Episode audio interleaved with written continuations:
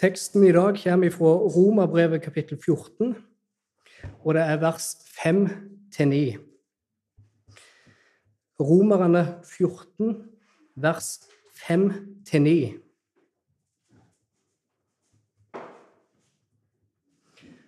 Hør Herrens ord. Én setter en dag høyere enn en annen. Den andre holder alle dager for å være like. Enhver av dem må bare være fullt overbevist i sitt eget sinn. Den som tar vare på en bestemt dag, gjør det for Herren. Og den som ikke tar vare på en bestemt dag, gjør det for Herren. Den som spiser, spiser for Herren, for han gir Gud takk. Og den som ikke spiser, gjør det for Herren og gir Gud takk. For ingen av oss lever for seg selv, og ingen dør for seg selv. For når vi lever, lever vi for Herren. Og når vi dør, dør vi for Herren. Derfor, enten vi lever eller dør, hører vi Herren til. Derfor døde jo Kristus, sto opp og var levende igjen, for at han skulle være herre både over døde og levende. Så langt lesinga av Guds ord.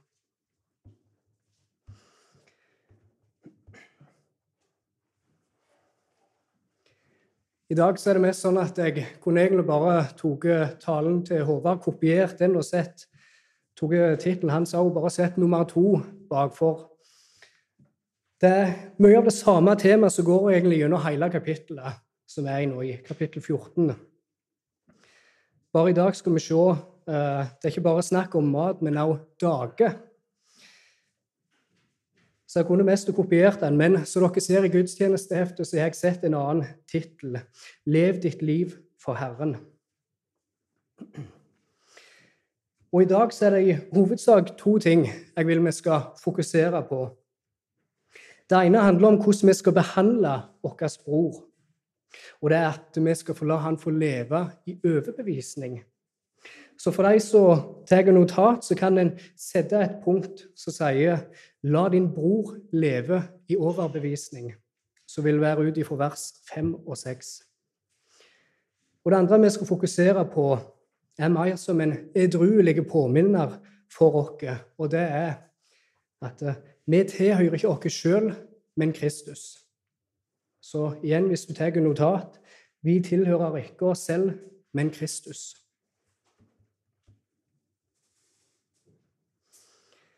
Mens vi nå jobber gjennom kapittel 14 av Romerbrevet, så vil vi se flere etiske prinsipp som blir gjentagende gang på gang. Og Disse prinsippene stammer ut fra det som Paulus snakker om i kapittel 13. At vi skal vise og utøve nestekjærlighet til vår neste, og spesielt mot deres bror og søster i trua. På grunn av at vi er frelst og tilhører Herren, så er vi under forpliktelse til å vise nestekjærlighet til hverandre. En nestekjærlighet som vi så i kapittel 13, er definert ut ifra Guds lov. Og En av måtene som vi skal se ut ifra teksten i dag, på en veldig konkret måte hvordan vi viser nestekjærlighet, det er å faktisk være overbærende med hverandre.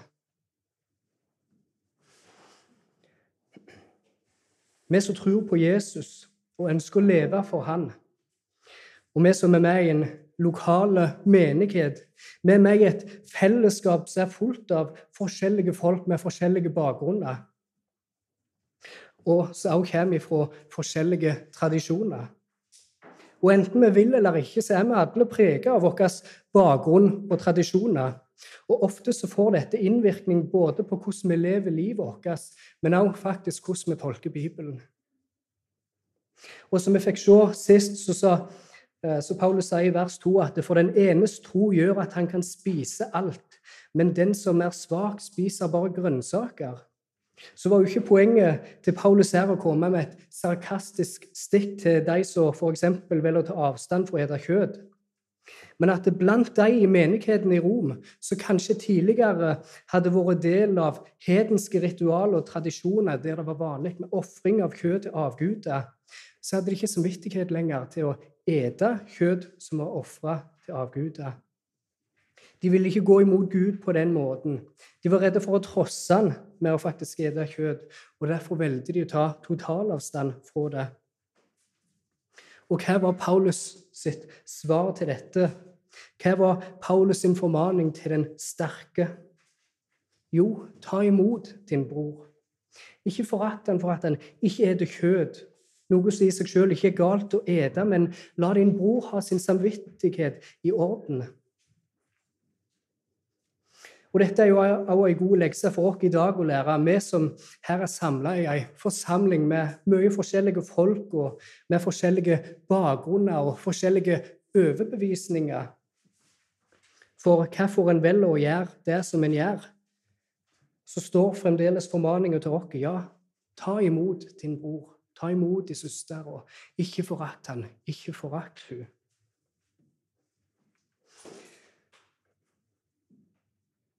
Og nå når vi er i det første punktet som jeg nevnte med å la din bror leve i overbevisning, så er det viktig å få presisert hva slags publikum er det Paulus snakker til. For Paulus han adresserer her folk som kommer fra en romerske, hedenske bakgrunn. Noen kommer fra en jødisk bakgrunn. Noen velger å ete alt som blir sett framfor dem. Noen velger å avstå fra forskjellige typer matretter. Noen er sterke, noen er svake. Men hva er fellesnevneren for alle disse? Det er at de er kristne som tar trua si på alvor. Så når det er snakk om å la din bror få leve i overbevisning, så er det ikke snakk om en som gjerne kaller seg kristen, men ikke bryr seg noe om hva Gud har sagt, hvordan en skal leve. En som ser på seg sjøl som herre og øverste autoritet i sitt eget liv for hva som er rett og galt. Det er ikke snakk om å la noen få leve i ei åpenbare synd, og la dem få leve i overbevisning om at denne syndige livsstilen er rett og godt. Men dette er snakk om kristne som tar trua si på alvor, og som ønsker å leve for Herren.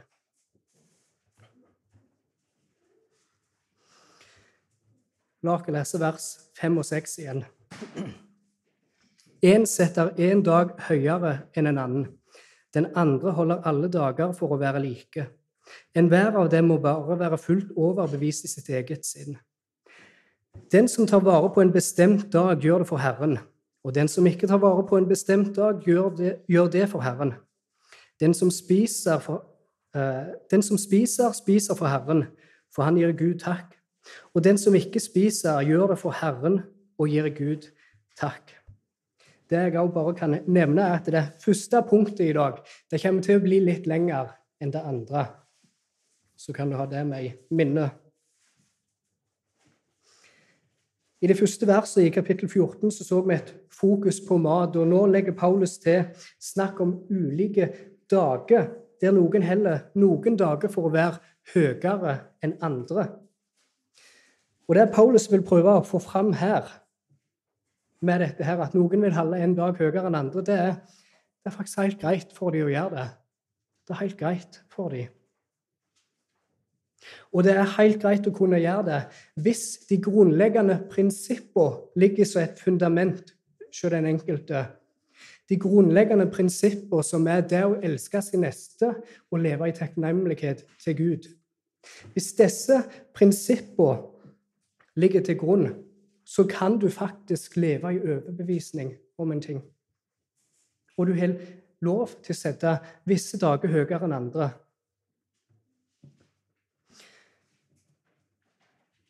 Og Det er disse to prinsipper som må ligge til grunn for oss, for at vi på en rett måte skal kunne ha en overbevisning om det enten gjelder mat eller dager. For det nytter ikke i seg selv å ha en sterk iver for en sak, og for, for at en skal kalle noe for moralsk rett. At hvis du bare lever i en sterk iver eller med en sterk overbevisning og en sterk lidenskap for en sak, så er det bare greit men for at du på en rett måte skal kunne utøve denne form for friheten til visse praksiser, så må nestekjærlighet og takknemlighet til Gud ligge til grunn. Når det her i teksten snakkes om å holde en dag høyere enn andre, eller å ta vare på en bestemt dag, så tror jeg ikke at dette refererer til Herrens dag, til søndagen. Og det skal jeg komme tilbake til litt seinere. Men her vil jeg si det refereres til jødiske høytider. For noen av de kristne i Rom de kom ifra jødedommen med dens ulike høytider og observasjoner, som f.eks. Jom kippur, påske, løvhyttefesten osv. Noen av disse høytidene var ordinert av Gud og skulle være en del av tilbedelsen av Han og en del av gudstjenesten. Mens andre høgtider som jødene feira, f.eks. Purim, som en kan lese om i Esters bok, det var ikke en ordning eller en høgtid som var ordinert av Gud, men det var likevel en, en fest som var til behag for Gud. Og dette publikum som Paulus skriver til menigheten i Rom, de levde i ei tid med forandring, der noe fra det gamle skulle ta, eh, skulle ta slutt, og ei ny tid var i anmarsj. Og Pga. disse høgtidene og festivalene som vi kan lese om i Det gamle testamentet, de var bare en skygge av, av den sanne skikkelsen som skulle komme, og som også nå hadde kommet, Jesus Kristus. Der disse ulike høgtidene og de seremonielle lovene fikk sin oppfyllelse i Han. Og alle disse høgtidene de peker fram mot den sanne frelse og glede som vi får i Kristus. Men noen av de kristne i Rom som kom ifra jødedommen, hadde kanskje en mangel på teologiske forståelse for hva disse høgtidene peker fram imot, og hva disse seremonielle lovene peker fram imot. At de faktisk skulle få sin oppfyllelse i Kristus. Så ville de likevel ta vare på og holde fast med disse ulike høgtidene som de i generasjon etter generasjon langt tilbake i tid hadde holdt og praktisert de, de ville holde fast på dette som en tjeneste for Gud. Og Paulus sitt poeng oppi dette her er la dem få lov til det. Hvis de er sterkt overbevist om det og gjør det for Gud, så la de få lov. Dette var ikke som en erstatning for Herrens dag, men som et tillegg, som en annen anledning til å kunne tjene Gud og tilbe Han. Og husk igjen, Paulus snakker her om kristne som tar trua si på alvor og vil leve sine liv til ære for Gud. Og Det er derfor han, han også sier i, i dagens tekst at enhver av dem må bare være fullt overbevist i sitt eget sinn. Hvis samvittigheten til din bror, til den svakere bror, ikke tillater han å la være å feire disse dagene, så la han få ha sin samvittighet i orden. La han kunne tjene Gud med en ren samvittighet. Og Det er dette Paulus også poengterer med i, i eh, vers 6. Hvis noen da f.eks. ville videreholdt feiring av Purim, skulle han få lov til det, for han ville gjøre det for Herren. Han ville gjøre det som en tilbedelse av Gud. I Matteus 5 så sier Jesus at han kom ikke for å loven, nei, for å oppheve loven, men for å oppfylle den. Og at ikke en minste tøddel av loven skulle forgå. Så Jesus han degraderte ikke loven på noen som helst måte. Og vi som hans etterfølgere, vi har heller ingen rett til å hive vekk detaljene i Guds lov. Men vi har samtidig heller ingen rett blant oss brødre og søstre i Kristus til å krangle over detaljene, krangle på en måte som vil føre til splittelse. Vi er kalt til å leve i fred med hverandre og i tålmodighet med hverandre. Og Det er derfor igjen Paulus sier hvis deres samvittighet sier at de skal feire Purim, f.eks., så la de få lov til det. La de store tingene være store blant dere, og la de små ting være små. I vers 6 eh, tar Paulus fram både dag og mat. Og Han sier om disse at noen blant dere tar vare på en bestemt dag, og andre ikke. Så det er ut ifra Paulus sitt perspektiv, eh, som han betrakter som en svakere bror eller disse andre høgtidene for Herren, så er det en del av hans gudstjeneste. Men så snur han også om på det fra et perspektiv av den sterke og sier at han tar ikke vare på en bestemt dag. Og nettopp dette gjør han for Herren. Den sterke siden har en større forståelse av hva disse ulike høgtidene var et frampeik og et symbol på. At disse fikk sin oppfyllelse i Kristus. Forstår at dette ikke lenger er høgtider som vi slavisk skal er til å feire. Og han lar derfor være å feire det. Og han gjør det for Herren. Og det samme med mat. Den sterke som kan ete alt som blir sett framfor han. Og han gir Gud takk for denne maten, for han vet at ingenting i seg selv er ureint, og at det skal bli tatt imot med takksigelse. Og han tar imot denne maten med takk til Gud. Og den som ikke eter, han òg gir Gud takk. Han takker Gud for at han skal få slippe å ete visse typer kjøtt som er ofra til avguder, og han er takknemlig til Gud for at han skal få slippe å ete det. Så begge viser en form for takknemlighet og en tjeneste til Gud. Og Fellesnevneren for begge er at de gjør dette ut ifra en overbevisning. Og la de få ha denne overbevisningen. Ikke gjør noe mot din bror som vil føre til at han vil handle på tross av sin samvittighet og gå imot den. La han få ha tru for det han gjør, og la han få ha den trua for seg sjøl.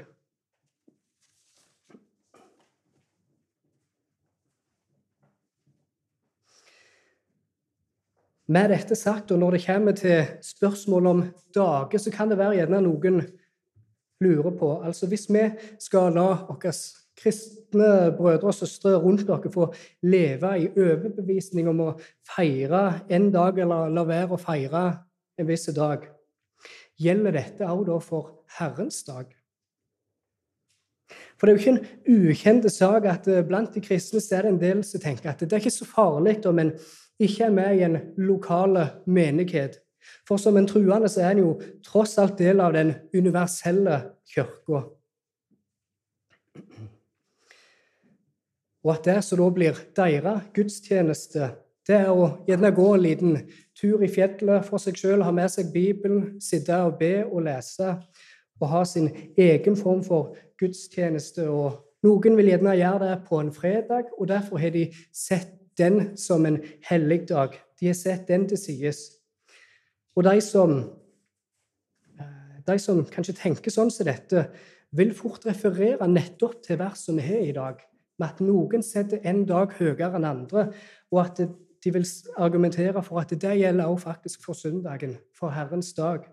At den er det egentlig bare opp til hvert enkelt. Hvilken dag er det vi skal komme sammen og feire?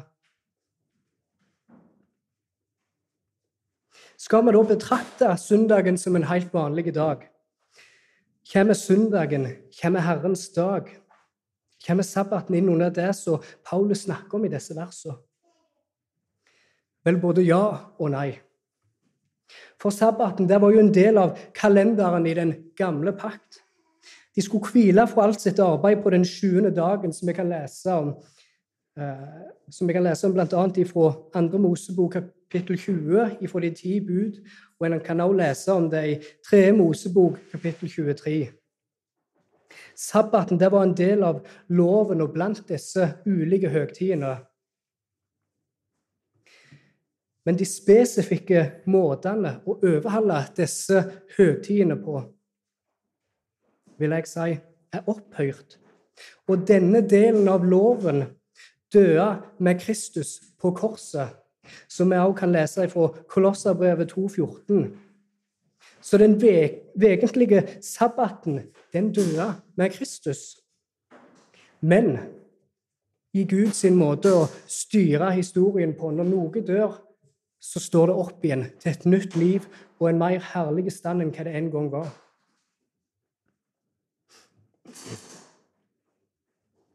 Sabbaten den ble etablert allerede med skapelsen når Gud skapte verden, og han hvilte for sitt arbeid på den sjuende dagen.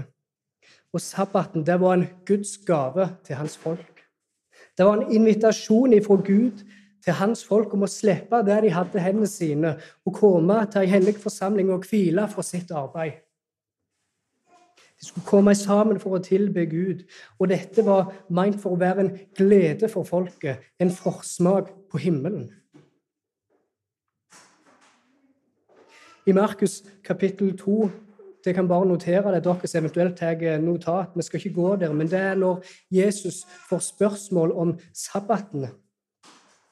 Og Jesus poengterer det og sier at sabbaten den ble til for menneskets skyld, ikke mennesket for sabbaten.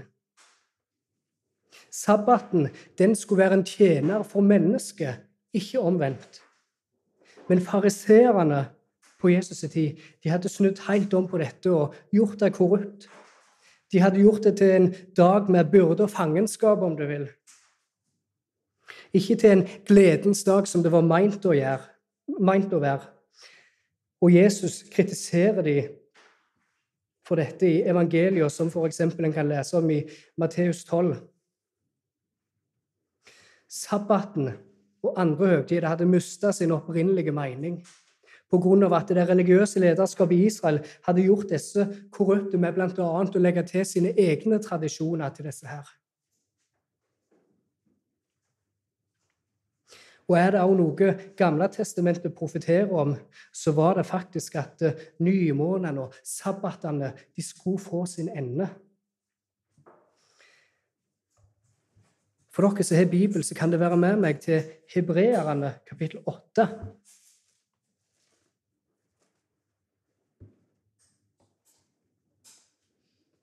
når det er snakk om Jesus som ypperste prest for den nye pakt. Og Vi kan lese fra vers 7 i Hebreerne 8.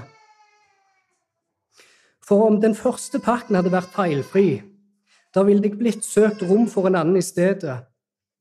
For han klandrer dem når han sier til dem:" Se, de dager kommer, sier Herren, da jeg vil opprette en ny pakt med Israels hus og med Judas hus ikke som den pakten som jeg opprettet med deres fedre på den dag da jeg tok dem ved hånden for å lede dem ut av landet Egypt.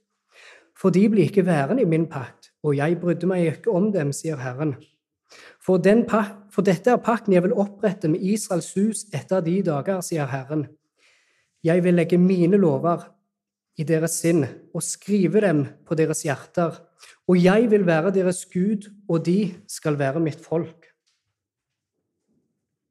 Det står at eh, han klandrer dem når han sier til dem. Gud klandrer folket. Gud klandrer sitt folk for deres brudd på pakten de var i med Gud. Gud klandrer dem for at de hadde gjort hans gode gaver til noe vondt. Så ikke var det behag for Gud, og det hadde blitt til noe som måtte dø. Og som jeg sa, det døde med Kristus på korset men det ble igjen oppreist med Kristus til en herligere standard. Eller til en herligere stand. Og dette ble òg, som jeg sa, profetert om i Det gamle testamentet, at nymånedene og sabbatene til israelsfolket det skulle få sin ende. Les en tidligere i Hebreerbrevet i kapittel 4, så står det at det gjenstår et løfte om å komme inn til hans hvile. Og i kapittel 4 så tar forfatteren av hebreerbrevet og formaner sine lesere til å leve i tro på Jesus og tro på hans evangelium. Og Han refererer til israelsfolket som et eksempel på vantru, som gjorde at de ikke fikk komme inn til denne hvilen.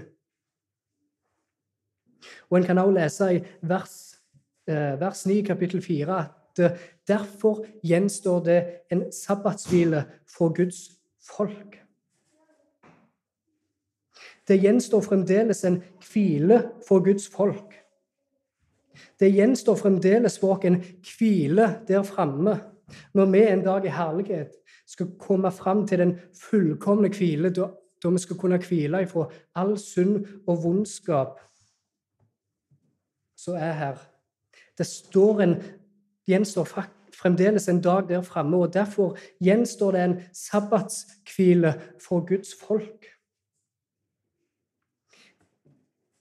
De gamle ordningene som sikta fram imot Kristus, Tempeltjenestene, eksempel, ble opphørt.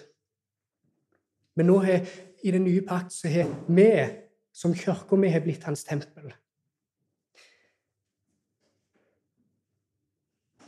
Og vi har fått en ny ypperste prest i Kristus. Ofringene i Det gamle testamentet det har opphørt, men vi trenger fremdeles ofringer. Men vårt offer er Guds eget lam, som ble gitt for oss som soning for våre synder, en gang for alle.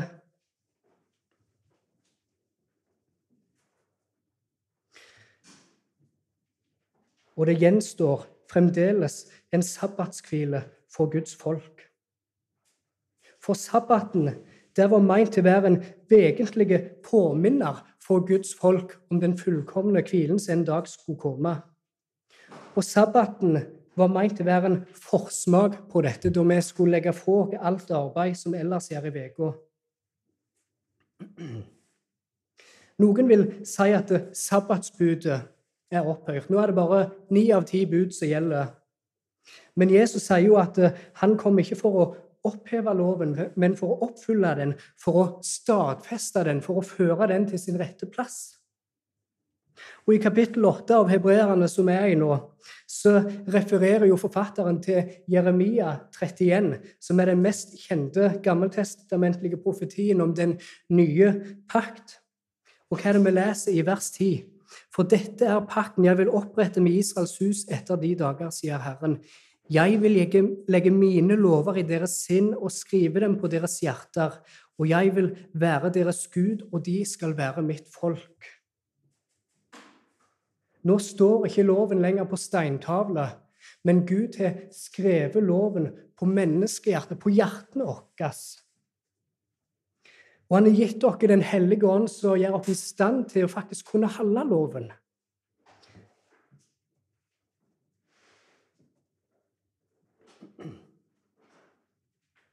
Så Den hellige ånd gjør oss i stand til å kunne holde loven, og med det holde sabbaten. Så sabbaten den er fremdeles i eh, virksomhet i dag. Vi trenger fremdeles en hviledag. Men det har skjedd en endring i dag for sabbaten. For i den gamle pakt så var sabbaten den siste dagen i uka, altså lørdag. Men jeg vil argumentere for at i den nye pakt så har det blitt endra til den første dagen i uka, altså søndag. Grunnen til at Gud først etablerte den siste dagen som sabbat, det var for at eh, han på den siste dagen hvilte fra sitt arbeid med skapelsen. Og jeg vil si Det er stor grunn til å tro at Gud har endra det til å bli den første dagen i uka. For Jesus han døde på en fredag, men han sto opp igjen på den første dagen i uka, altså søndag. Og med det så hvilte han ifra sitt frelsesverk for oss. I Johannes' åpenbaring kan vi også lese at eh, Johannes ble grepen, ånd, eh, ble grepen, av ånden på Herrens dag. Jesus har her sett sitt eget navn på en spesiell dag.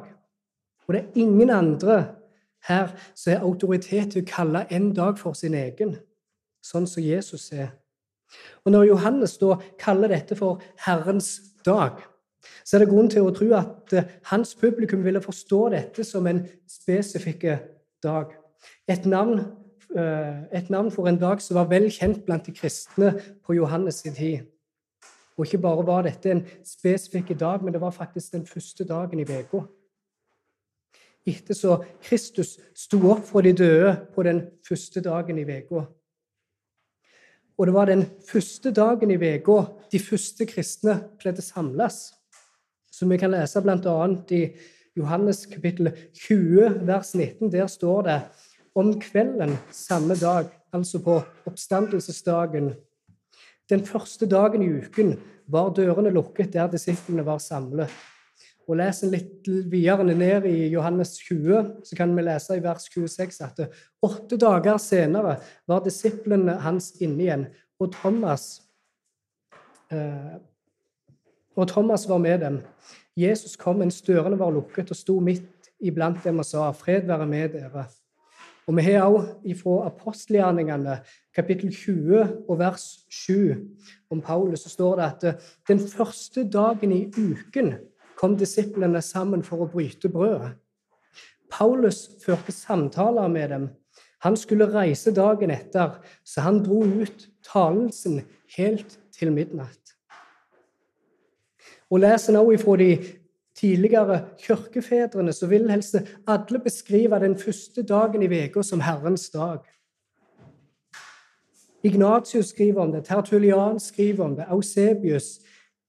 Helst alle de tidlige kirkefedrene beskriver også eh, den første dagen som Herrens dag, som den dagen da Guds folk samla seg til gudstjeneste. Så det er grunn for å tro og argumentere for at den kristne sabbaten, så Westminster-bekjennelsen kaller det, den kristne sabbaten, det som vi feirer, skal feires på en søndag. At det er, den, at det er søndagen som er den dagen Gud har sett til side som den dagen vi skal samles som hans folk og tjene han og tilbe han. Nå ble jo dette her et litt sidespor i denne talen, men jeg ønsker å litt om, eh, snakke litt om sabbaten for, og Herrens dag, om søndagen. For som sagt, det er et spørsmål som kan komme opp nettopp i lys av teksten vi har framfor oss i dag. Og som jeg sa, mange vil bruke vers 5 og vers 6 til å si at alle dager er like, og søndagen er ikke noe spesielt i forhold til lørdag, fredag osv. Alle dager er like. Og Derfor velger de sjøl å bare gå alene i skogen, holde seg vekke fra sin forsamling, gå, eh, gå og lese Bibelen og be alene, og la det være deres gudstjeneste. De foretrekker heller å være noen ensomme ryttere.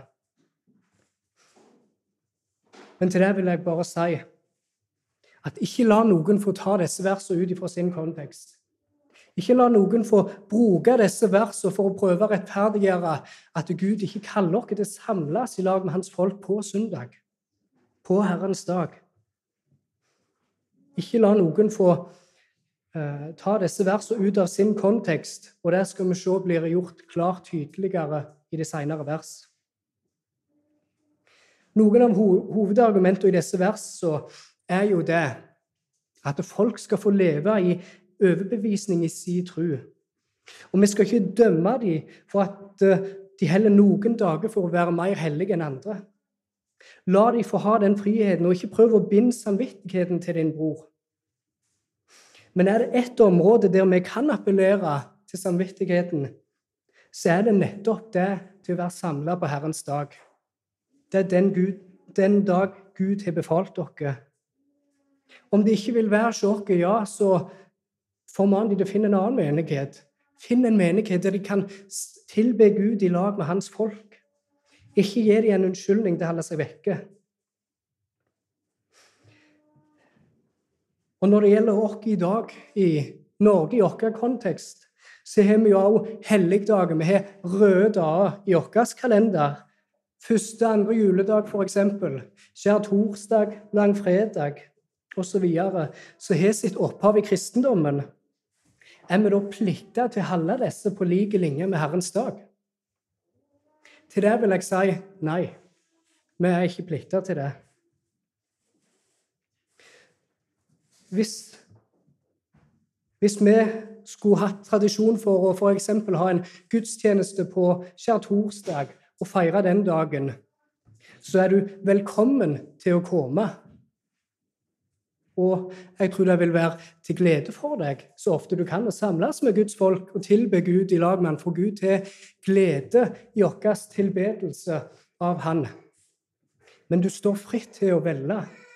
Hvis du mener at det er kun søndagen som er sett til side, så vi skal ikke bruke noen andre dager til en sånn type gudstjeneste, så er det helt greit at du bare er hjemme da.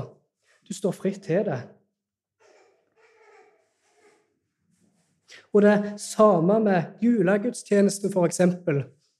Hvis julaften er på en torsdag, og vi kanskje velger å ha ei samling da, så står du fritt til å komme.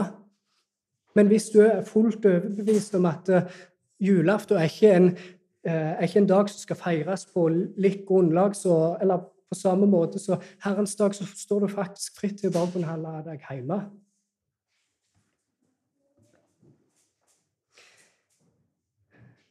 Og meg og Håvard som eldste i menighet har ikke rett til å tvinge dere til å gå på kompromiss med samvittigheten.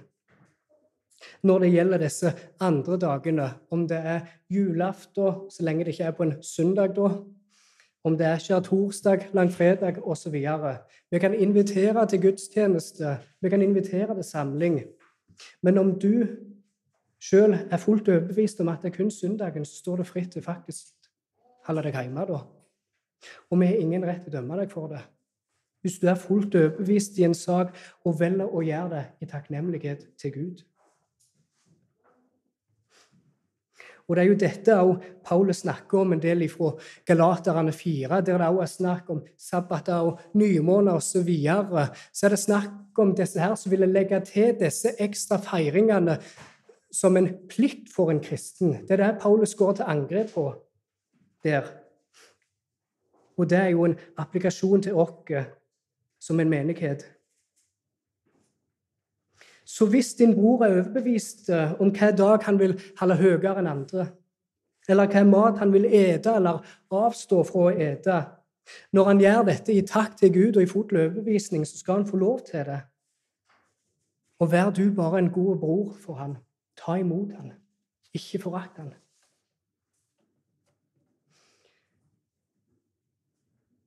La oss nå gå over til det neste punktet i talen. Neste punktet var vi tilhører ikke oss selv, men Kristus. Og La oss nå lese vers eh, 7-9 i Romerne.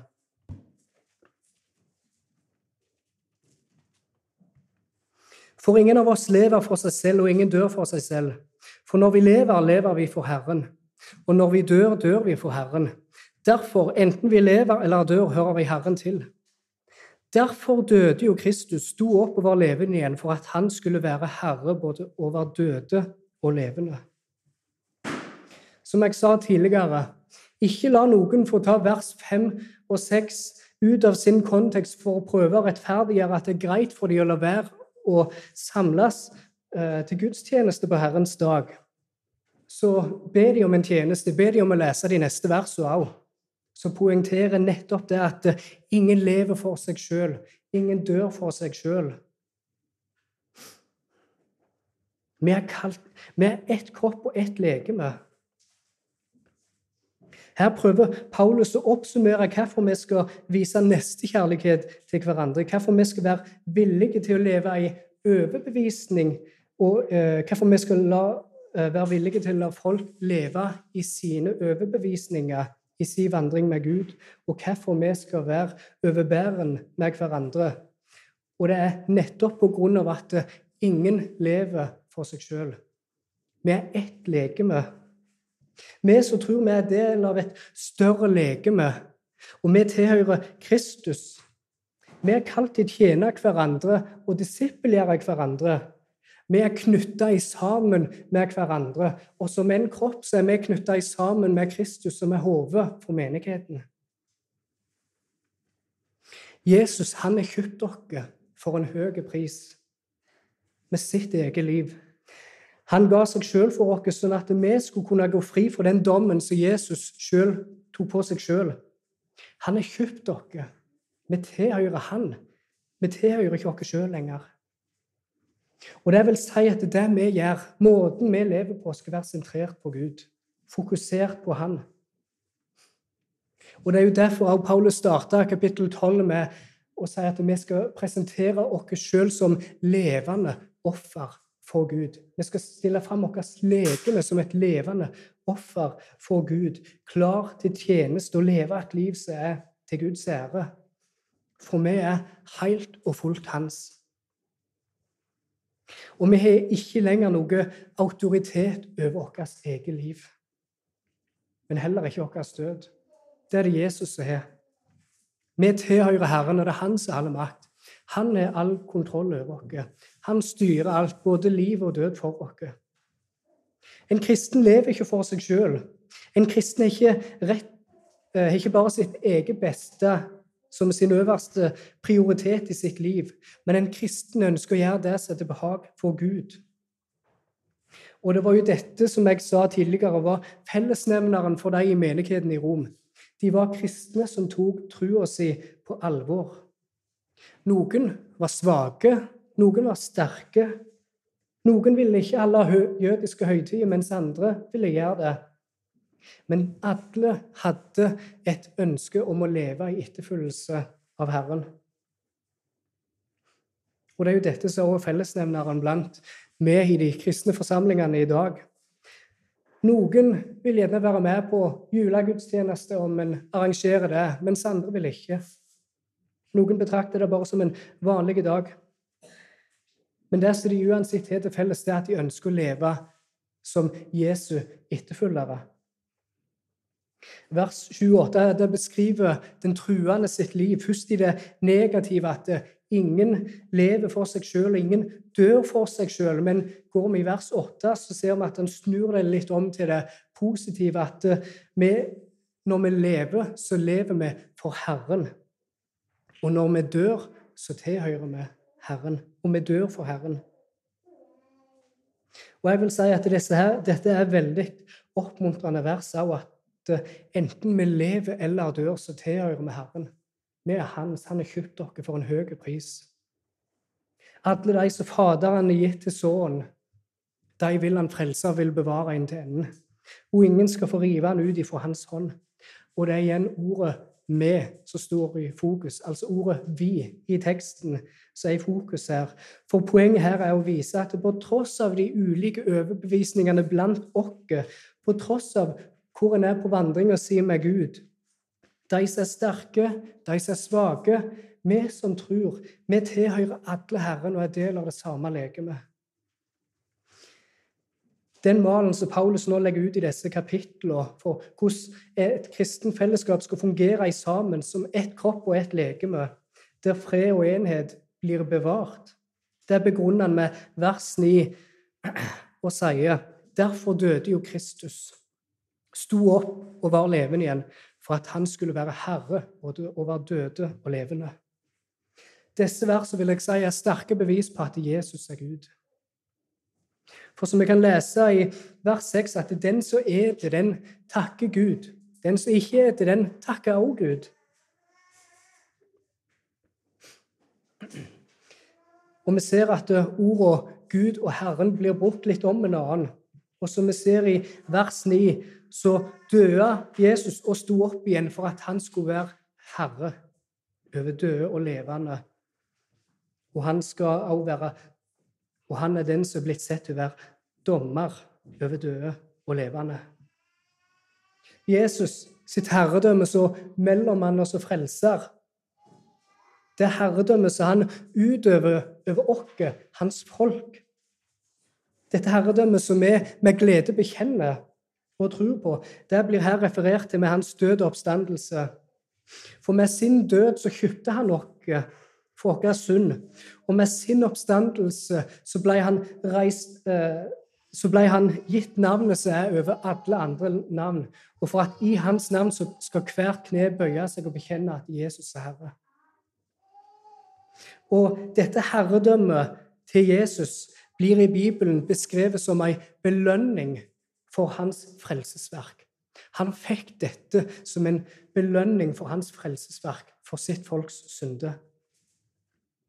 Det er Jesus som er herre, det er Jesus som har rett til å dømme. Vi er ikke rett til å dømme vår bror i små saker. Det er ikke vår jobb å være deres dommer. Men formaninga til Paulus er snarere Han er jo din bror. Ta imot han. Ta imot din bror. Ikke steng han ute, og ikke forakt han for at han praktiserer ting litt annerledes enn hva du sjøl gjør. Og ikke forakt din bror som gjerne utøver en større frihet enn hva du sjøl gjerne gjør. Men ta imot han òg, som din bror. Så jeg vil si vers 7-9 er noen veldig edruelige vers og gode vers. For her er det på en måte enkle ord som om Paulus sier slutt å krangle imellom dere. Slutt å krangle. Dere tilhører jo Kristus alle sammen. Er du sterk, er du svak? Du tilhører Kristus, alle dere som tror på Han. Dere er brødre, brødre og søstre. Dere tjener den samme Gud. Dere skal ikke dømme hverandre. Det er Kristus som dømmer. Stopp opp med denne kranglinga deres, og heller luft blikket. Se på Jesus. Husk på at dere er en del av det samme legemet. Ta imot hverandre sånn som Gud har tatt imot dere. Ta imot hverandre sånn som Kristus har tatt imot dere. Og i det, husk Guds nåde mot deg, hvordan Han har tatt imot deg, hvordan Han tok imot meg, så har vi virkelig noe å lære av og leve etter. Amen.